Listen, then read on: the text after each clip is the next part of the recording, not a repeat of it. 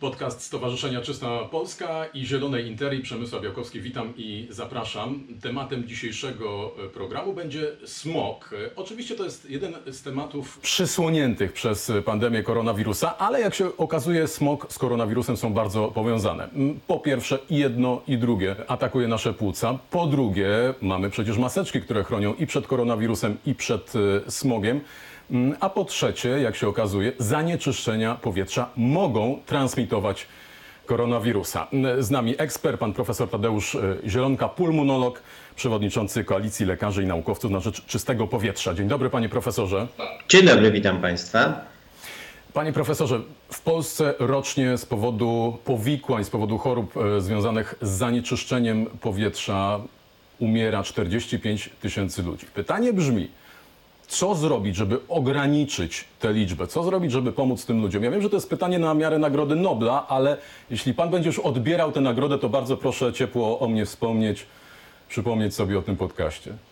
Czy ja nie wiem, czy to jest rzeczywiście tak e, trudne pytanie na Nagrodę Nobla. O tym wiemy doskonale. Musimy zmniejszyć emisję. To jest jedyny sposób. I e, proszę zwrócić uwagę, świetnym przykładem e, była pierwsza faza pandemii, kiedy zdecydowaliśmy się na lockdown. I ten lockdown e, jako uboczny produkt pokazał, co się będzie działo, jeśli zmniejszymy zanieczyszczenia powietrza. To znakomite były pierwsze głosy, które pokazały, co się dzieje. Nie wiem, czy część e, Państwa sobie przypomina zaniepokojone głosy ze strony branży pogrzebowej. Albowiem w pierwszych miesiącach pandemii spadło o 40% pochówki. To było pewnym szokiem dla branży pogrzebowej. Nawet tłumaczono to tym, że mniej ludzi ma operacje i mniej umiera w czasie zabiegów. Natomiast prawda jest taka, że z powodu e, pandemii zmniejszyła się w sposób wyraźny e, e, liczba użytkowników samochodów, zmniejszyła się produkcja zanieczyszczeń. I w, w marcu czy w kwietniu, i to było wykazane przez Polski GUS, o kilka tysięcy zgonów niż w miesiącach poprzedzających spadła liczba zgonów. Czyli w okresie pandemii e, mieliśmy e, poprawę sytuacji. To jest najlepszy dowód, jak byśmy e, mogli funkcjonować, gdybyśmy mieli czystsze powietrze. Te dane były policzone przez Brytyjczyków, że w całej Europie odnotowano spadki zanieczyszczeń e, związkami azotu, czyli tymi komunikacyjnymi, bo zdecydowanie spadła nam komunikacja, ale również pyłów zawieszonych. Czyli my wiemy, że jeśli ograniczymy e, ilość emisji, to będziemy zdrowsi. Panie profesorze, ale teraz ta tendencja zupełnie się odwróciła. Pan wspomniał o tej branży pogrzebowej, teraz są kolejki do, y, do pogrzebów. Mamy już trochę więcej doświadczenia. Poza tym jesteśmy teraz w sezonie zimowym. Ale E, tak, ale niech pan zwróci uwagę, że w momencie, kiedy zastosowaliśmy skuteczny lockdown, czyli zmniejszenie e, produkcji zanieczyszczeń, to mieliśmy spadek zgonów pandemii. Natomiast jeśli mieliśmy pandemię razem z produkcją zanieczyszczeń, to, to oczywiście październik rekord 47 tysięcy zgonów. Pobiliśmy rekord od czasu wojny, nie było tyle zgonów w jednym miesiącu. Ledwo do tego rekordu żeśmy chwilę e, w zdumieniu przyzwyczaili się, to w listopadzie pobiliśmy kolejny rekord. Przekroczyliśmy 50 parę, 53 tysiące zgonów. Proszę Państwa, nigdy od czasu wojny w jednym miesiącu nie umarło tylu Polaków, co w listopadzie e, i, i w październiku. Dlaczego? Dlatego, że nałożyły się zarazy, pandemia plus e, smog, bo już produkujemy e, zanieczyszczenia powietrza większe niż to było w e, wiosennych miesiącach. Ja się boję cały czas, jeśli do tego dojdzie jeszcze grypa, to wtedy będziemy mieli trzy zarazy. Panie profesorze, wspomniałem na początku, że mm, zanieczyszczenia powietrza mogą pomagać w transmisji koronawirusa. Jak to wytłumaczyć? O co dokładnie chodzi? To były obserwacje, które już we Włoszech, w tym pierwszym europejskim kraju, który zwrócił uwagę na e, połączenia ko- koronawirusa z zanieczyszczeniami powietrza. Jeśli spojrzymy na mapy e, pyłowych zanieczyszczeń we Włoszech, to one się idealnie pokrywały e, z liczbą zakażeń, ale Włosi pokazali również związek między zanieczyszczeniem powietrza a ciężkością mierzoną zarówno y, hospitalizacją, czyli ci, którzy wymagali y, pójścia do szpitala, ty, tymi, którzy e, wymagali pójścia na OJOM, czyli jeszcze trudniejszej, trudniejszych przypadków i liczbą zgonów. Czyli tam, gdzie mieliśmy więcej zanieczyszczeń, tam mieliśmy cięższe przypadki i mieliśmy zgony.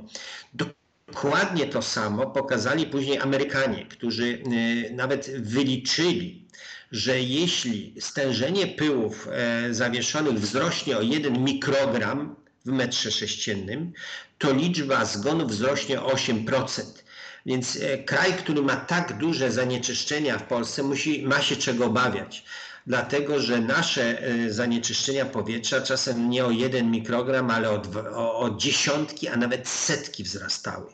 Czyli nie dziwmy się, że Polska w okresie smogowym e, stała się krajem o dużo wyższej liczbie e, zgonów niż liczbie zachorowań. Nasza pozycja w zgonach w ostatnich dwóch miesiącach była znacznie wyższa niż liczba zachorowań. To jest nasz związek z zanieczyszczeniami powietrza, że nie sam tylko wirus wystarczy do tego, żebyśmy mieli zachorowania, ale mamy je poważniejsze i ze zwiększoną liczbą zgonów. Panie profesorze, o zanieczyszczeniach powietrza, o tym jak są niebezpieczne, o smogu, mam wrażenie, że mówimy tak e, poważnie od e, kilku lat. Co było wcześniej? Nie było tych zanieczyszczeń, nie było odpowiednich badań, e, nie było świadomości. Z czego to wynika? Wszystko po trochu. Wszystko po trochu, bo oczywiście zanieczyszczenia powietrza były, ale proszę sobie uświadomić pewną dynamikę zmian. Bo jeśli w Warszawie e, przed e, 20 czy 30 laty było zarejestrowanych e, 100-200 tysięcy samochodów, to w ostatnich e, dekadach to wzrosło do miliona i więcej zarejestrowanych samochodów w Warszawie niż w Berlinie czy we Wiedniu, które są e, albo podobnymi, albo większymi aglomeracjami. Czyli z jednej strony na pewno liczba wzrosła, ponieważ tyle samochodów, ile e, mamy obecnie, a kiedyś nie było. Co gorsza, Polska stała się i wiemy o tym pewnym e, śmietnikiem starych samochodów, które są eliminowane z przepisami z zachodniego rynku i trafiają do Polski. Więc nie dość, że mamy liczebnie tych samochodów dużo więcej, to znacznie gorszą sprawą jest to, że mamy duży udział samochodów bardziej zaśmiecających środowisko. Co jeszcze gorsze, jesteśmy specyficznym rynkiem, który dozwala na to, ponieważ takie ogłoszenia zawsze można było znaleźć w gazecie, usuwać filtry, które przed tymi zanieczyszczeniami chroniły, co jest absolutnie no, ogłoszenie w, w gazecie, w którym nie ma ścigania z urzędu, że no nie wiem, e, e, zabije za małe pieniądze. E, Cały czas y, można znaleźć y, w, mediach takich czy innych. To jest, proszę Państwa, niedopuszczalne, żeby tego rodzaju przestępcze ogłoszenia mogły się stale ukazywać. Ale to pokazuje specyfikę na przykład polską, że można ogłaszać wy- za, za tanie pieniądze e, usunę filtr, który zwiększy e, liczbę ludzi, którzy z tego powodu zginą. Teraz... Albo wrzucę do pieca oponę, czy cokolwiek innego. Ale to nie wszystko. Proszę zwrócić uwagę, że myśmy w PRL-u, w tym e, systemie totalitarnym, mieli normy określające, co można wrzucić do e, pieca. I myśmy z tych norm zrezygnowali w 1994 roku. I w tym momencie Polska stała się z powodu zubożenia części społeczeństwa po transformacji, stała się miejscem, w którym zaczęto wrzucać do, do kotła coś, czego nie wrzucano w czasie PRL-u. Czyli jednak e, sytuacja, mimo że wydawać by się mogła, że jest lepsza pod wieloma względami, tak naprawdę się pogorszyła. Pogorszyła się, że przestaliśmy kontrolować e, jakość węgla wrzucana do kotłów i że zwiększyliśmy na pewno znacząco e, zanieczyszczenia samochodowe. Acz na, na poprawę mogę powiedzieć, że bardzo wiele trucicieli przemysłowych zostało wyeliminowanych z rynku poprzez e, prawa rynku, że wiele tych, co pozostało, zastosowało się do unijnych przepisów, żeby zostać na tym rynku, wprowadzając e, systemy filtracyjne. I myśmy w ostatnim okresie znacząco zmniejszyli udział przemysłu Natomiast e, cały czas komunalny i transportowy sektor zanieczyszczeń wzrasta. Panie profesorze, my mm, słyszymy w prognozach pogody y, te informacje o stężeniu pyłów zawieszonych y, 2,5-10 mikrometrów. Co to właściwie znaczy i co to robi z naszymi płucami? Ja bym szerzej powiedział, bo płuca są tylko elementem w tej grze.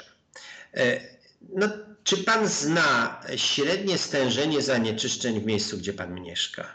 I jakim powietrzem pan oddycha? Czy wie pan, jaka jest średnia roczna w pana miejscu zamieszkania? Czy każdy Polak zna tą średnią? Dlaczego to pytam? Dlatego, że polskie badania potwierdziły, że jeśli ten e, średnie stężenie pyłów zawieszonych wzrasta o 1 mikrogram, to średnia przeżycia y, obywatela na tym terenie spada o jeden miesiąc. Czyli jeśli wzrasta o 12 mikrogramów, żyjemy rok krócej. To jest znacznie więcej. To jest właśnie to, co powiedzieliśmy na wstępie o tych tysiącach umierających. Trzeba po prostu sobie uświadomić, że każdy mikrogram średniej rocznej skraca mi życie o miesiąc. Czy ta świadomość jest e, w umysłach Polaków? Czy Polacy, jest taki świetny kanadyjski program Znaj swoje liczby. Znaj, jakie masz stężenie zanieczyszczeń w miejscu, w którym żyjesz i w powietrzu, jakim oddychasz. Każdy Polak powinien się zainteresować, jakie ma średnie stężenie zanieczyszczenia. Każdy Polak powinien się interesować, jakie ma te przekroczenia dobowe, krótkoterminowe, bo one są e, odpowiedzialne za zupełnie inne sprawy, o czym Tylko, możemy panie profesorze, te liczby bez tego zobrazowania, którego pan użył, czyli skrócenia życia, niewiele nam mówią, bo to czy te No. stężenia zostaną przekroczone o 100% czy o 200, to dalej... Wywołałem to. Dlatego to właśnie wywołałem. Ale niech pan sobie uświadomi tak, że tu z jednej strony mamy pewne globalne, roczne stężenie. Ale mamy drugi element, te zwyżki e, przekraczające alarm, e, który mamy, smogowy. Czy znów Polacy sobie zdają sprawę, że w dniu, w którym mamy alarm smogowy, wzrasta liczba zawałów, e, udarów, zatoru o 1 czwartą, tak 27%. I to w Polsce, nie gdzieś w świecie. Czyli w momencie, kiedy e, mamy ogłoszenie, że jest alarm smogowy, to musimy sobie uświadomić, że y, karetki na sygnale jeżdżą o 1 czwartą częściej, o 27% częściej jeżdżą karetki do szpitala. To jest prawo wielkich liczb. To jest to, czego my ciągle sobie nie uświadamiamy, że w momencie, kiedy mówimy przekroczone są stężenia, to znaczy, że ktoś z tego powodu umiera, że ktoś trafia do szpitala, że ktoś ma zaostrzenie przewlekłej choroby. Panie profesorze, to nawet jeśli to nie jest pytanie na miarę Nagrody Nobla, to ja wracam do tego, co możemy robić, żeby y, było lepiej. Też od tej drugiej strony. Wspominałem też na początku o maseczkach. Y, Maseczki jeszcze rok temu, gdybyśmy zobaczyli na ulicy kogoś w maseczce antysmogowej, no to było zaciekawienie, co najmniej. Bardzo niewiele takich osób. Dziś wszyscy chodzimy w maskach na ulicach, oczywiście mm, innych. Czy e, jako plus pan dostrzega, że e, nawet jeśli pandemia koronawirusa minie, będzie szczepionka, zapomnimy o tym za rok, dwa, e, przy pozytywnym scenariuszu, to te maski e, w tym, w tym sensie antysmogowym zostaną, one już nie będą czymś takim dziwnym, dziwacznym na naszych ulicach i czy one rzeczywiście mm, chronią nas przed zanieczyszczeniami? E, Więc to jest e, rzeczywiście ciekawe spostrzeżenie z Pana strony. Myślę, że jeszcze ono nie wybrzmiało dobrze w przestrzeni publicznej, ale Pan to bardzo dobrze ujął. Mianowicie, gdy czytałem WHO-skie zalecenia, które się ukazały parę miesięcy temu, dotyczące właśnie tych interwencji, maseczek e, ochronnych i oczyszczaczy, które WHO pro, absolutnie propaguje jako mm, coś, co jeśli nie jesteśmy w stanie e, obniżyć e, e, emisji zanieczyszczeń, to przynajmniej chronimy najbardziej potrzebujących tymi sposobami.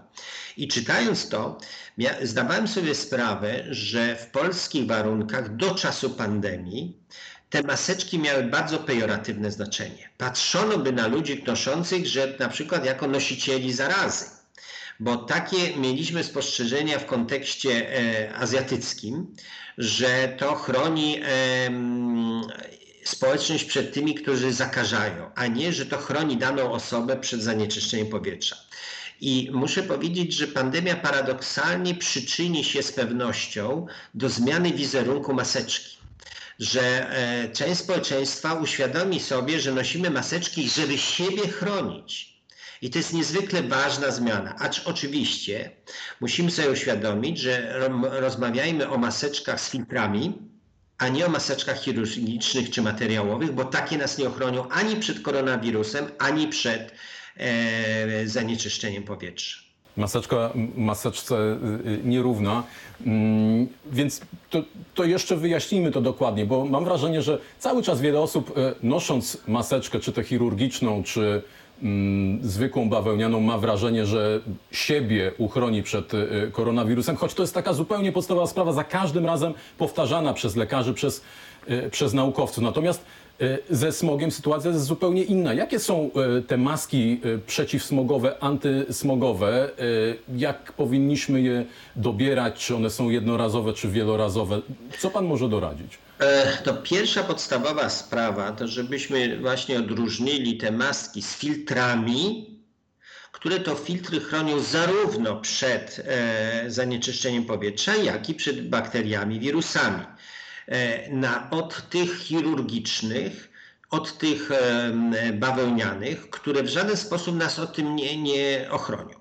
Dlaczego zatem mamy nakaz noszenia tych maseczek chirurgicznych czy e, bawełnianych? Ano dlatego, że to jest podyktowane względami epidemiologicznymi w kontekście koronawirusa, że jeśli osoba, która jest zakażona, ma tą maseczkę, to w sposób znaczący, prawie nie powiem stuprocentowy, ale znaczący do 80% spada ryzyko, że ona zakazi inne osoby.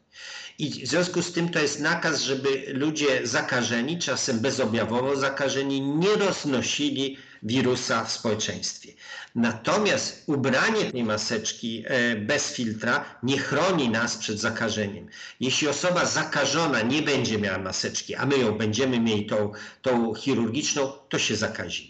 Spada to prawdopodobieństwo nieznacznie, ale tylko o 20% mniejsze mamy ryzyko niż gdybyśmy nie mieli maseczki. Natomiast te z filtrami będą spełniały podwójną rolę ochrony przeciw wirusowej, przeciwbakteryjnej i ochrony e, przeciw e, zanieczyszczeniu pyłowym. Zresztą to nie wybrzmiało, ja w pewnym momencie przyznam się, że nie, nie powiedziałem o, o ważnym elemencie. Te pyły są e, transporterami wirusów do naszych dróg oddechowych, dlatego że pył zawieszony, który jest bardzo drobny, on jest dużo większych rozmiarów niż wirus. W związku z tym wirusy, koronawirus e, osiada na cząsteczce pyłowej i w tej, na tejże cząsteczce wkracza do naszych dróg oddechowych. Jest wdychany na tejże cząsteczce. Czyli my stosując filtr e, odpowiedni pyłowy, a ten pyłowy filtr on nie działa na zasadzie e, jakiś oczek, e, tak jak mamy w, w materiale, który przytrzymuje większe cząsteczki. On działa na zjawisku hydrostatycznym, że cząsteczki minusowe idą do plusa, a plusowe do minusa. I to jest inny mechanizm elektrostatyczny, który pochłania te e, pyły. Dzięki temu zawieszone na tychże pyłach e, cząsteczki wirusa czy bakteryjne e, mikroorganizmy inne są zatrzymane na tym filtrze. Oczywiście, jak każdy filtr, ma ograniczoną e, pojemność, wydolność, czyli my nie możemy zbyt długo e, w dużym stężeniu e, go wykorzystywać i musimy wymieniać wtedy maseczkę lub filtr, bo są maski, które można wymieniać filtr, albo są wymiana maski z filtrem. To powiedzmy jeszcze o tym, co y, w domu. Pan wspomniał o oczyszczaczach y, powietrza. One są dosyć mało powszechne jeszcze w polskich y, domach. Kiedyś, ja sobie przypominam, w, dzieciństwie wizyta u lekarza za każdym razem było wietrzyć pomieszczenie, wietrzyć, jeszcze raz wietrzyć, wywietrzyć wirusy. No jak teraz mamy podchodzić do, do takich zaleceń? Powiem szczerze, że tutaj natrafiamy trochę na konflikt interesów, bo niedawno uczestniczyłem w tworzeniu przez e, e, PZH zaleceń wietrzenia e, pomieszczeń szkolnych. I jest tak, że jeśli my szczelnie zamkniemy okna w klasie, w której będzie 30 paru uczniów, to w bardzo krótkim okresie te osoby wydychając dwutlenek węgla spowodują e, e, stan e, jakości powietrza wewnątrz pomieszczeniu groźny dla koncentracji, dla normalnego funkcjonowania centralnego układu nerwowego i badania te potwierdzają, że mamy wówczas szkodliwą jakość powietrza wewnątrz pomieszczeń, które nie są wietrzone. Równocześnie, jeśli mamy na zewnątrz wysokie stężenie zanieczyszczeń powietrza, to powstaje sytuacja, w której my, otwierając okna i pozbywając się z jednej strony dwutlenku węgla, z drugiej strony wirusów, które mogą być w przypadku osób zakażonych w, w tymże pomieszczeniu, wprowadzamy zanieczyszczenia powietrza, które mogą być szkodliwe dla dla naszego organizmu. I to wcale nie jest łatwy y, problem do rozwiązania, bo tak naprawdę tylko skuteczne filtry, które by e, z jednej strony oczyszczały powietrze od wirusa, jak i od zanieczyszczeń powietrza, spełniłyby swoją rolę. To z kolei stałoby się olbrzymim ciężarem em, finansowym dla tego rodzaju instytucji. W związku z tym jest problem, że z jednej strony wietrzenie pomaga, ale nie w okresie, kiedy mamy alarm smogowy, kiedy wpuścimy i zamkniemy sobie powietrze e, pełne zanieczyszczeń. Nie ma prostej odpowiedzi na to pytanie. Pięknie dziękuję panie profesorze e, za tę rozmowę. E, Wszystkiego dobrego, dużo zdrowia. Profesor Tadeusz Zielonka był gościem podcastu Stowarzyszenia Program Czysta Polska i Zielonej Interii. Jeszcze raz dziękuję. Wszystkiego dobrego i do zobaczenia, do usłyszenia. Wszystkiego dobrego, dziękuję.